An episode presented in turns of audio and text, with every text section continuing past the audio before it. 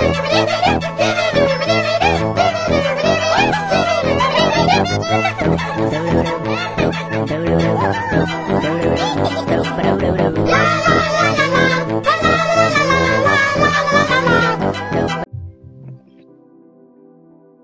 datang di podcast ceria-ceria. Yuk, ceria-ceria bareng kita yuk. Yuk. Perkenalkan, nama saya Dama Prapukusumo. Nama saya Chelsea Gilarang Bandita Johani. Halo, nama saya Naura Farah Salsabila. Halo, nama saya Hana Kamila dan kami dari Kelompok Empat. Pada kali ini kita mau, ba- mau bahas apa sih? Oke, pada kali ini kita akan bahas tentang manajemen sarana dan prasarana dan manajemen ketatausahaan maupun manajemen sistem informasi beserta implementasinya dalam dunia pendidikan. Banyak banget ya, Wa. Eh, mungkin kita dari awali dari SNF, SNP dulu kali ya. Oke, boleh. Jadi, eh, secara singkat, manajemen sarana pendidikan adalah kegiatan pengelolaan atau usaha yang dilakukan untuk memanfaatkan segala sumber daya yang ada dalam rangka mendukung tercapainya tujuan pendidikan. Nah, apabila dikaitkan dengan SNMP, itu manajemen sarpras ini masuk ke SNMP sarana prasarana dan pembiayaan diatur pada Undang-Undang Nomor 19 Tahun 2005 tentang Standar Sarana dan Prasarana yang berbunyi Standar Nasional Pendidikan yang berkaitan dengan kriteria minimal tentang ruang belajar, tempat berolahraga, tempat beribadah, perpustakaan, laboratorium, bengkel kerja, tempat bermain, tempat berkreasi dan berekreasi, serta sumber belajar lain yang diperlukan untuk menunjang proses pembelajaran termaksud penggunaan teknologi informasi dan komunikasi. Nah, selain itu, standar tentang sarana prasarana ini diatur dalam pasal 42 sampai dengan pasal 48. Nah, selain pada standar sarana prasarana ini, manajemen pra- sarana dan prasarana ini termasuk dalam standar pembiayaan yang diatur dengan U yang sama, di mana kegiatan penyediaan sarana dan prasarana masuk ke kategori biaya investasi pendidikan. Selanjutnya, pada manajemen ketatausahaan maupun manajemen sistem informasi, kita harus tahu dulu nih apa definisi dari kedua manajemen tersebut. Manajemen ketatausahaan adalah suatu aturan atau peraturan yang terdapat dalam suatu proses kerja yaitu perencanaan, pengorganisasian, pelaksanaan yang meliputi penyimpanan, dan pengarsipan serta pengawasan untuk mencapai suatu tujuan yang diharapkan. Sementara itu, manajemen sistem informasi merupakan sistem yang direncanakan untuk mengumpulkan, menyimpan, dan menyebarluaskan data berupa informasi yang dibutuhkan untuk melaksanakan berbagai fungsi manajemen. Nah, apabila kita kaitkan lagi dengan SNMP, maka manajemen ketatausahaan maupun manajemen sistem informasi ini berkaitan loh dengan standar pengelolaan dan standar pembiayaan. Dalam standar pengelolaan tentang manajemen sistem informasi diatur pada Peraturan Menteri Pendidikan Nasional Nomor 19 Tahun 2007 tentang standar pengelolaan pendidikan dasar dan menengah. Boleh dilanjut aja nih.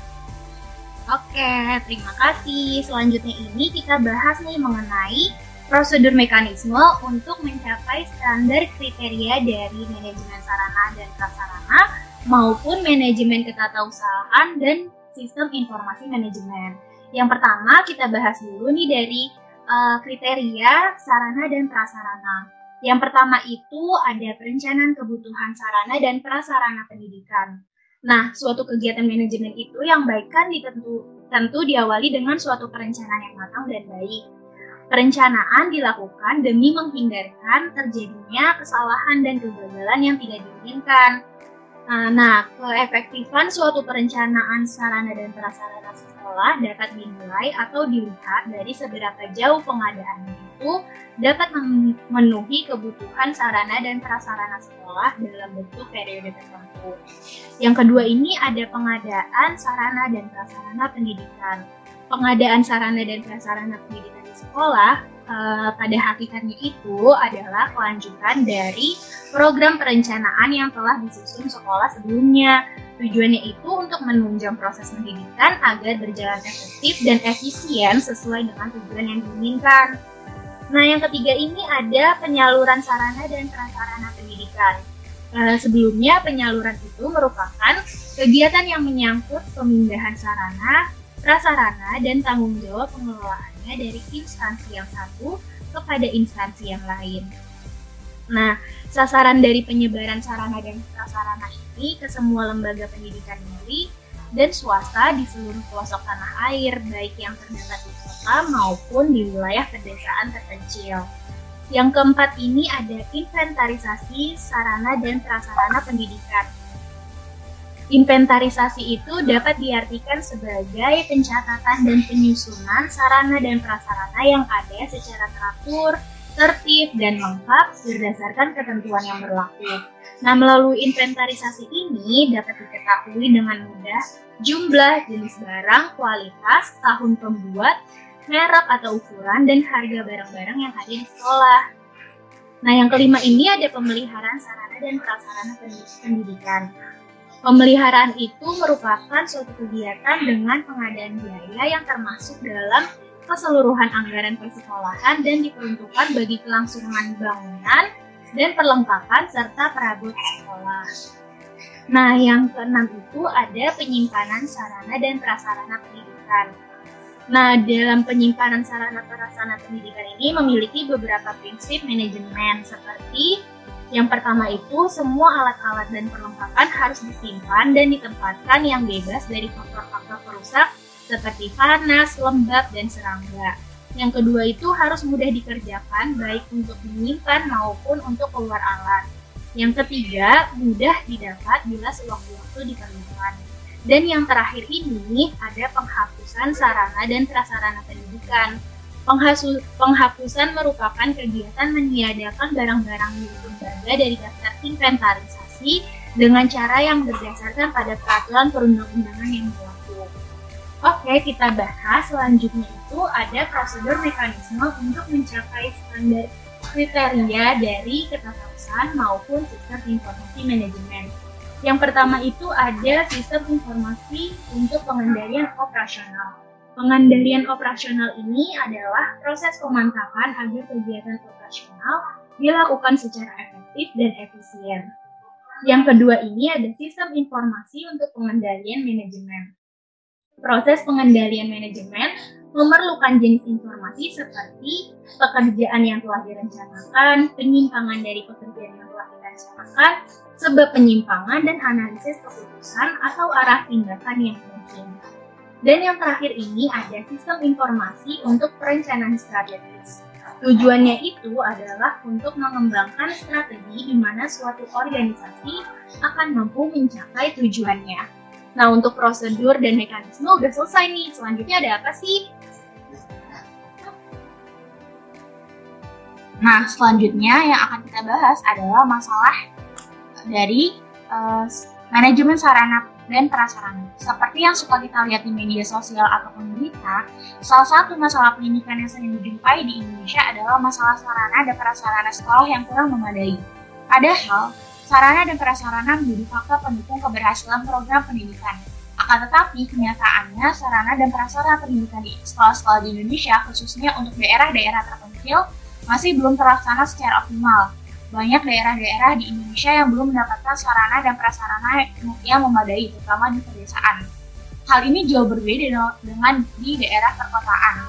Selain pada permasalahan tadi, Adapun hambatan-hambatan dalam pelaksanaan manajemen sarana dan prasarana antara lain yang pertama adalah dalam pengadaan barang yang diinginkan terkadang langsung dapat tidak langsung dapat dipenuhi oleh sekolah.